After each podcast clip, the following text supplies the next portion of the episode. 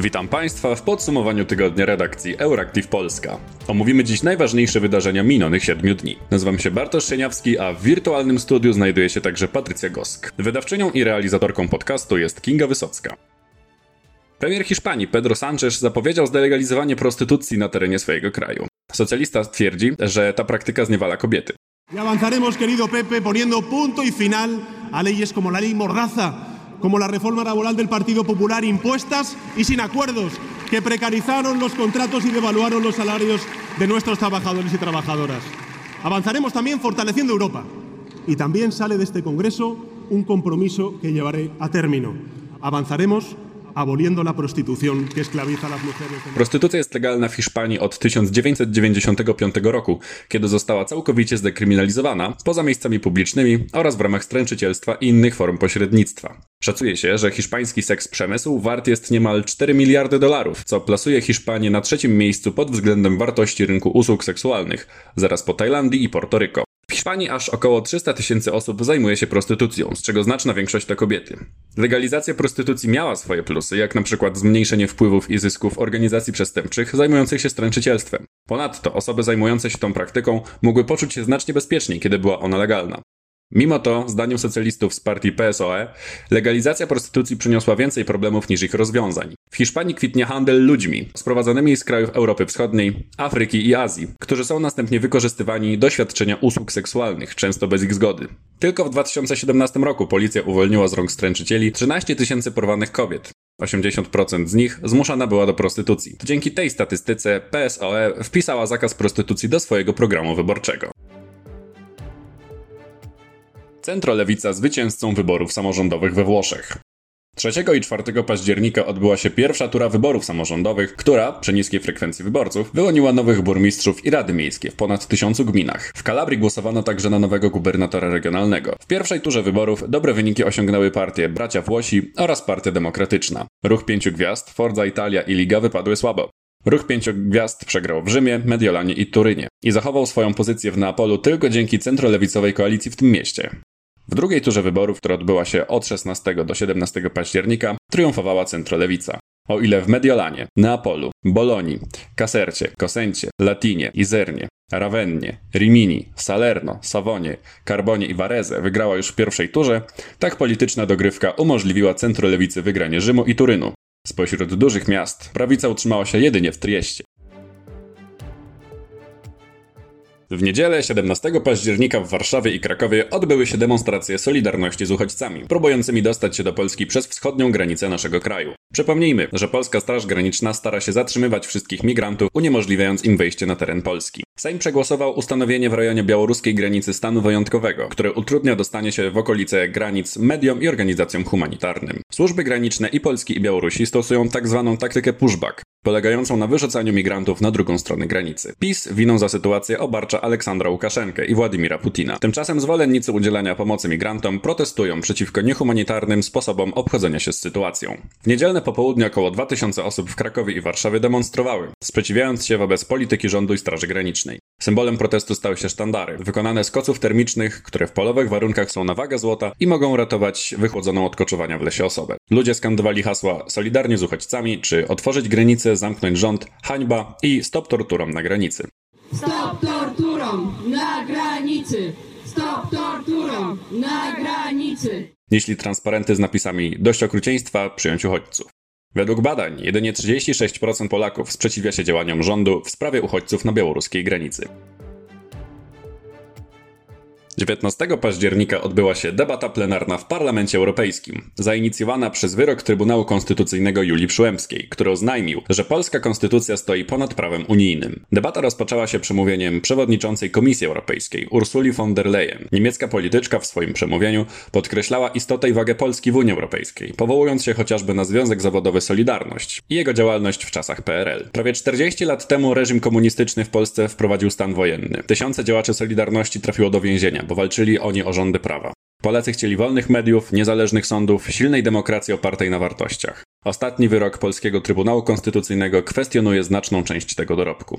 Przewodnicząca Komisji Europejskiej krytykowała orzeczenie polskiego Trybunału. Podejmujemy regularny dialog, ale sytuacja się pogorszyła. Zagrożenie dla niezależności systemu sądownictwa jest również zagrożeniem dla niezawisłości. Teraz doszło do kulminacji w najnowszym wyroku Trybunału Konstytucyjnego. Komisja Europejska w tej chwili w sposób uważny ocenia i analizuje ten wyrok, ale mogę powiedzieć już teraz, że mam głębokie obawy. Ten wyrok kwestionuje podstawy Unii Europejskiej. To bezpośrednie wyzwanie dla jedności wspólnego systemu prawnego, stwierdziła.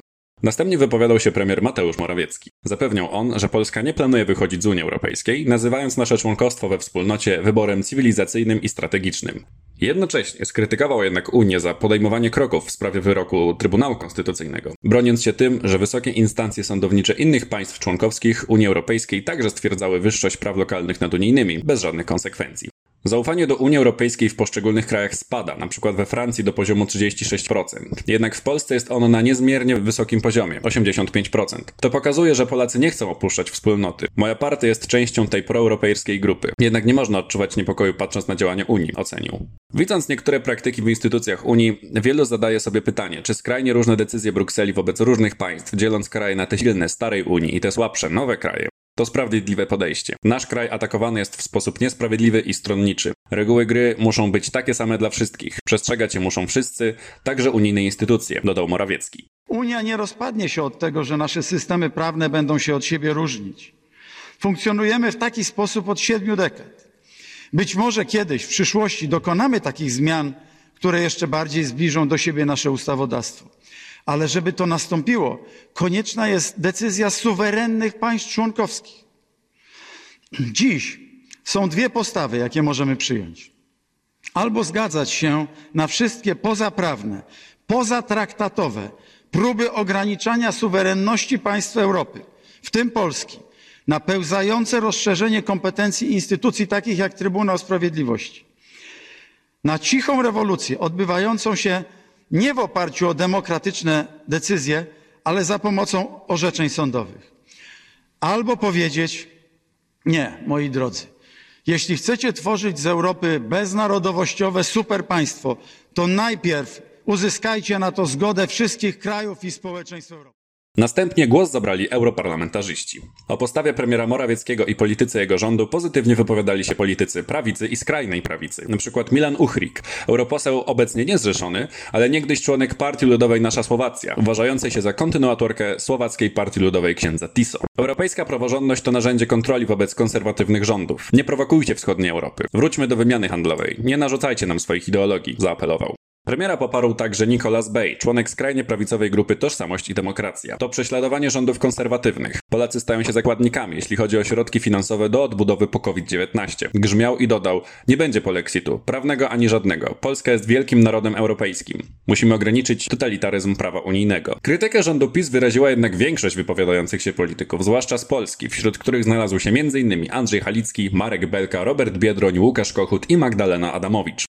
Co Państwo wiecie o europejskich wartościach, jeśli dzielicie Polaków na sorty i wynosicie unijne flagi z urzędów? Pytał premiera z mównicy Marek Belka. Wspomniany dziś Lech Kaczyński się w grobie przewraca, jak słyszę o tym, co zrobiliście z Unią Europejską, komentował Robert Biedroń. Łukasz Kochut powiedział Morawieckiemu, że Polacy, Ślązacy, Kaszubi i inni są Europejczykami, a wy skończycie na śmietniku historii jako ostatni plastikowy pomnik nacjonalizmu i populizmu, po czym wręczył premierowi figurkę Pinokia. Poparcie dla jedności europejskiej wyrazili posłowie liberalni, lewicowi, centrolewicowi i centroprawicowi. Debatę zakończyły ponowne wypowiedzi Ursuli von der Leyen i Mateusza Morawieckiego. Przypomnijmy, że Parlament Europejski chce pozwać Komisję Europejską za niestosowanie mechanizmu warunkowości wobec Polski. Ponadto, w czwartek 21 października Parlament przyjął rezolucję dotyczącą praworządności w Polsce. Za jej przyjęciem opowiedziało się 502 deputowanych, przeciw było 153, a 16 wstrzymało się od głosu.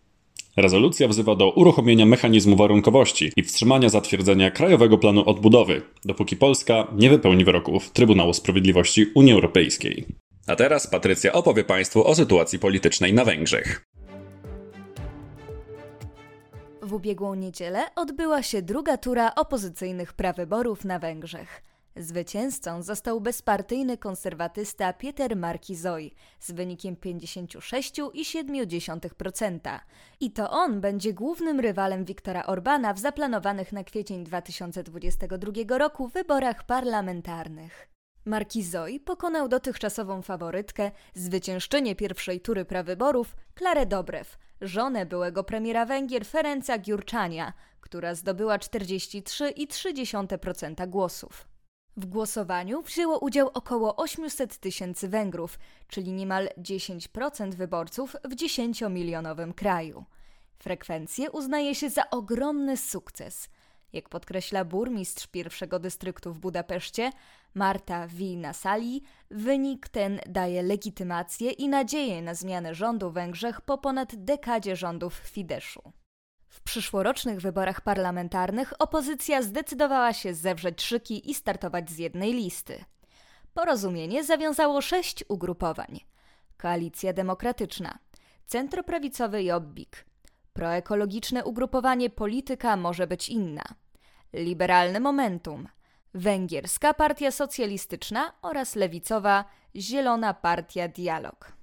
W zdecydowanej większości sondaży Zjednoczony Blok osiąga wynik podobny do tego, jaki obecnie ma partia rządząca.